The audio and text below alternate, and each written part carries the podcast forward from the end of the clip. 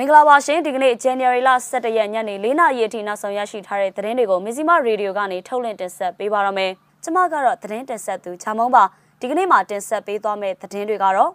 ကြီးမြင့်နိုင်ဖြစ်စဉ်မှာကားနဲ့တိုက်ပြီးဖမ်းဆီးခံခဲ့ရတဲ့အမျိုးသမီးသတင်းတောက်ကိုစစ်ကြောရေးပို့တဲ့အကြောင်းပသိမ်ထောင်ထဲကနိုင်ငံရေးအကျဉ်းသား3ဦးကိုရဲဘတ်စခန်းပို့ဖို့စီစဉ်နေတဲ့သတင်းဗိမ်းမြို့မှာစစ်ကောင်စီဖမ်းဆီးသွားတဲ့အမျိုးသမီး2ဦးတည်းကတဦးကိုပြန်လွှတ်ပေးတဲ့ဖြစ်စဉ်နဲ့ နယူးယောက်မြို့ကမီးလောင်မှုမှာကလေးငယ်9ဦးအပါအဝင်19ဦးသေဆုံးတဲ့တဲ့တင်ကိုလည်းတင်ဆက်ပေးပါမယ်ရှင်။ရန်ကုန်မြို့ကြီးမြင့်နိုင်ပန်းပင်ကြီးလန်းတပိတ်မှာကားနဲ့တိုက်ပြီးဖမ်းဆီးခံခဲ့ရတာကြောင့်ဦးကောက်အပြင်းထန်တရားရရှိခဲ့တဲ့မြန်မာ Press Photo Agency ရဲ့ရုပ်သံသတင်းတော့မတ်မှုရတနာခံမှုမို့တွင်ကိုရှိပြီးသားစစ်ကြောရေးစီခေါ်ဆောင်သွားတဲ့အကြောင်း AR ရဲ့သတင်းအရသိရပါဗျ။စစ်စေးုံကနေမနေ့တုန်းကစေးုံဆင်းခွင့်ပေးလိုက်တာပါ။ အဲ့ဒီနောက်သူမကိုဒီကနေ့မနက်ပိုင်းမှာရှေ့ပြည်သားစီခေါ်ဆောင်သွားမှာဖြစ်တဲ့အကြောင်းကြီးမနာရဲစခန်းကမိသားစုစီအကြောင်းကြားလို့သိရတာဖြစ်တယ်လို့အမှုအတွက်ကြိုးဆောင်ပေးမဲ့ရှင်းနေတူက AR ကိုပြောပါတယ်။ကျမ်းမာရေးအခြေအနေကတာမန်ပုံးပဲ့ဒဏ်ရာတွေကတော့ပျောက်ပြီးဦးကောင်းကတော့ထိခိုက်ထားတဲ့ဒဏ်ရာကကျက်သွားပြီးဒါပေမဲ့အတွင်းပိုင်းကဒဏ်ရာအရှိန်ကြောင့်သူမကြခဏခေါင်းမူပြီးစဉ်းစားရတဲ့အချက်တွေဆိုရင်သူအားလုံးနေပါမေ့နေတဲ့အဲ့ဒီနေ့ကဖြစ်စဉ်ကိုတော့သူ့ကိုပြန်မေးလို့မရဘူးလို့ဆိုပါတယ်ပြီးခဲ့တဲ့ဒီဇင်ဘာလ9ရက်က ကြီးမြင့်နိုင်ပန်းမင်ကြီးလန်တပိတ်မှာဆီယနာရှင်စန့်ကျင်ရေးငင်းကျန်းစွာစီတန်းလှည့်လေတဲ့ဆန္ဒပြနေတာကို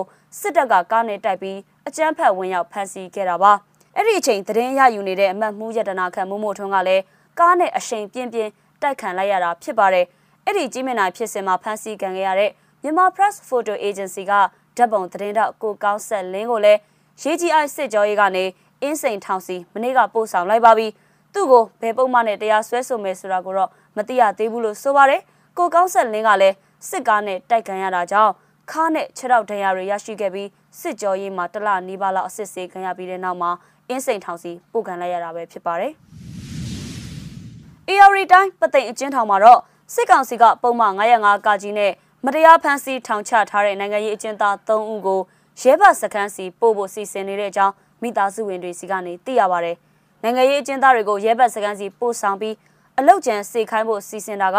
အညိုးနဲ့ပြုတ်လောက်တာဖြစ်နိုင်တယ်လို့ပသိမ်အချင်းထောင်ကနိုင်ငံရေးအချင်းသားတွေကိုကူညီပေးနေတဲ့အဖွဲ့တစ်ခုကပြောပါတယ်အခုမိသားစုတွေကကျွန်တော်တို့ကိုသတင်းပေးလာတာပါလုံခြုံရေးအရာတော့နမေတွေပြောခွင့်မရှိဘူးစုစုပေါင်းအကူအညီတောင်းလာတာက3ယောက်ရှိပြီးရဲဘက်စခန်းတွေမှာအလုတ်လောက်ခိုင်းဖို့ပို့ဖို့လုပ်နေတယ်မပို့စေချင်ရင်ပတ်စံပေးရမယ်နိုင်ငံရေးကျင်းသားတွေကိုဒီလိုဆက်ဆံခွင့်မရှိဘူးပြီးတော့သတင်းထက်ကြားထားတယ်အမိမချရသေးတဲ့ထောင်တွင်းတရားရုံးမှာပဲယုံကျင်းစစ်နေတဲ့သူတွေကို လှုပ်အားပေးတွေထောင်ထဲမှာခိုင်းနေတာအချုံနဲ့သူကိုအဲ့ဒီလိုခိုင်းလို့မရဘူးတမင်ကိုအညှိုးနဲ့လုပ်နေတာပါလို့ဖန်စီကန်ရသူတွေကိုကူညီနေသူတဦးကပြောပါတယ်ပသိမ်ထောင်တဲ့အမိမချရသေးပဲချုပ်နှောင်ခံနေရတဲ့နိုင်ငံရေးအကျဉ်းသားတွေကိုစစ်ကောင်စီကစိုက်ခင်းတွေမှာအလုတ်ခိုင်းစေတာထောင်တွင်းအလုတ်ယုံတွေမှာလှုပ်အားပေးခိုင်းစေတာတွေရှိနေပါတယ်အလုတ်မခိုင်းစေခြင်းရင်မိသားစုတွေစီကနေငွေကြေးတောင်းခံနေတယ်လို့လည်းမိသားစုတွေတချို့ကပြောပြပါတယ်စစ်ကောင်စီအာဏာသိမ်းပြီးတဲ့နောက်ပသိမ်အကျဉ်းထောင်တဲ့ ဖမ်းဆီးခံရတဲ့နိုင်ငံရေးအကျဉ်းသားက300ကျော်ရှိနေပါတယ်အဲ့ဒီထဲမှာကိုဝန်တဲ့အမျိုးသမီးငယ်တဦးလည်းပါဝင်နေတယ်လို့သိရပါတယ်ရှင်စစ်တပ်နဲ့တွားတက်တယ်ဆိုတဲ့အကြောင်းပြချက်နဲ့ဆွဆွဲပြီးစစ်ကောင်စီကဖမ်းဆီးသွားတဲ့တနင်္သာရီတိုင်းဘိန်းမျိုးကအမျိုးသမီးနှစ်ဦးတက်ကတဦးကိုတော့မနေ့ကပြန်လွှတ်ပေးခဲ့တဲ့အကြောင်းနှိဆက်သူတွေစီကသိရပါတယ်ဘိန်းမျိုးကန်တဦးပြောတာကတယောက်ပြန်လွှတ်ပေးလိုက်ပါတယ်သူက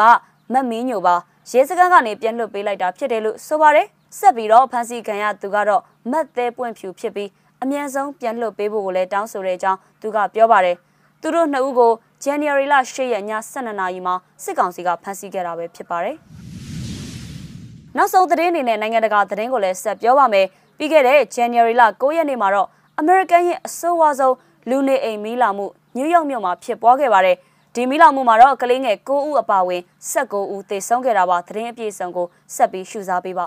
အောင်။ American ရဲ့အဆိုးရွားဆုံးလူနေအိမ်မီးလောင်မှုအဖြစ် January လ9ရက်တနင်္ဂနွေနေ့ကနယူးယောက်မြို့ကအထက်မြင့်တိုက်ခန်းတစ်ခုမီးလောင်မှုဖြစ်ပွားခဲ့ရမှာကလေးငယ်9ဦးအပါအဝင်အနည်းဆုံးလူ19ဦးသေဆုံးခဲ့ပြီးဒါဇင်နဲ့ချီဒဏ်ရာရရှိခဲ့ကြတယ်လို့ဆိုပါတယ်။မီးလောင်မှုအတွင်းပိတ်မိနေတဲ့တိုက်ခန်းနေသူတွေဟာ ပြတင်းပေါက်တွေကနေအော်ဟစ်အကူအညီတောင်းနေတာမြင်တွေ့ခဲ့ရကြောင်းမြို့တော်မီးသက်ဦးစီးဌာနကပြောကြားခဲ့ပြီးခီးဆောင်လျှက်စစ်အပူပေးဆက်ကနေစတင်လောင်ကျွမ်းခဲ့တာဖြစ်ပြီးတိုက်ခန်းရဲ့အလွှာတိုင်းမှာတိတ်ဆုံးသူတွေရှိခဲ့တယ်လို့ဆိုပါတယ်။မြို့တော်ဝင် Eric Adams က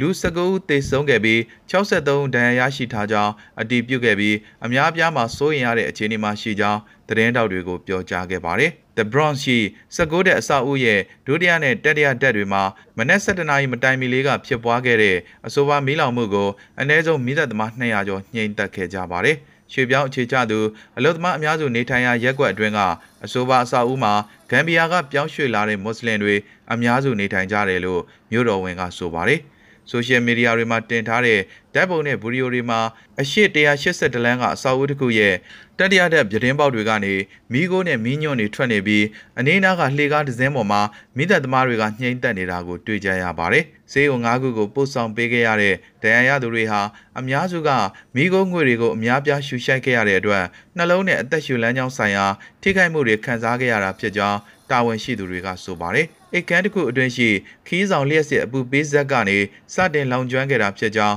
မျက်မြင်သက်သေတွေနဲ့စစ်ဆေးတွေ့ရှိချက်တွေအရအတည်ပြုထားတယ်လို့နယူးယောက်မြို့မိသက်ဌာနအကြီးအကဲဒန်နီယယ်နီဂရိုကသတင်းတောက်တွေကိုပြောကြားခဲ့ပါတယ်။မိတောက်တွေဟာအဆောက်အဦရဲ့အခန်းတွေကိုလျှင်မြန်စွာကူးဆက်သွားပြီးမိခိုးများအလွန်ထူထပ်ပြီးမကြုံစဘူးပါပဲလို့၎င်းကဆိုပါတယ်။မဇ္ဈိမရေဒီယိုရဲ့ညနေ၄နာရီအထိနောက်ဆုံးရရှိထားတဲ့သတင်းတွေကိုတင်ဆက်ပေးခဲ့တာပါ။စောင့်မျှော်နားဆင်ပေးခဲ့ကြတဲ့အတွက်ကျေးဇူးတင်ပါတယ်ရှင်။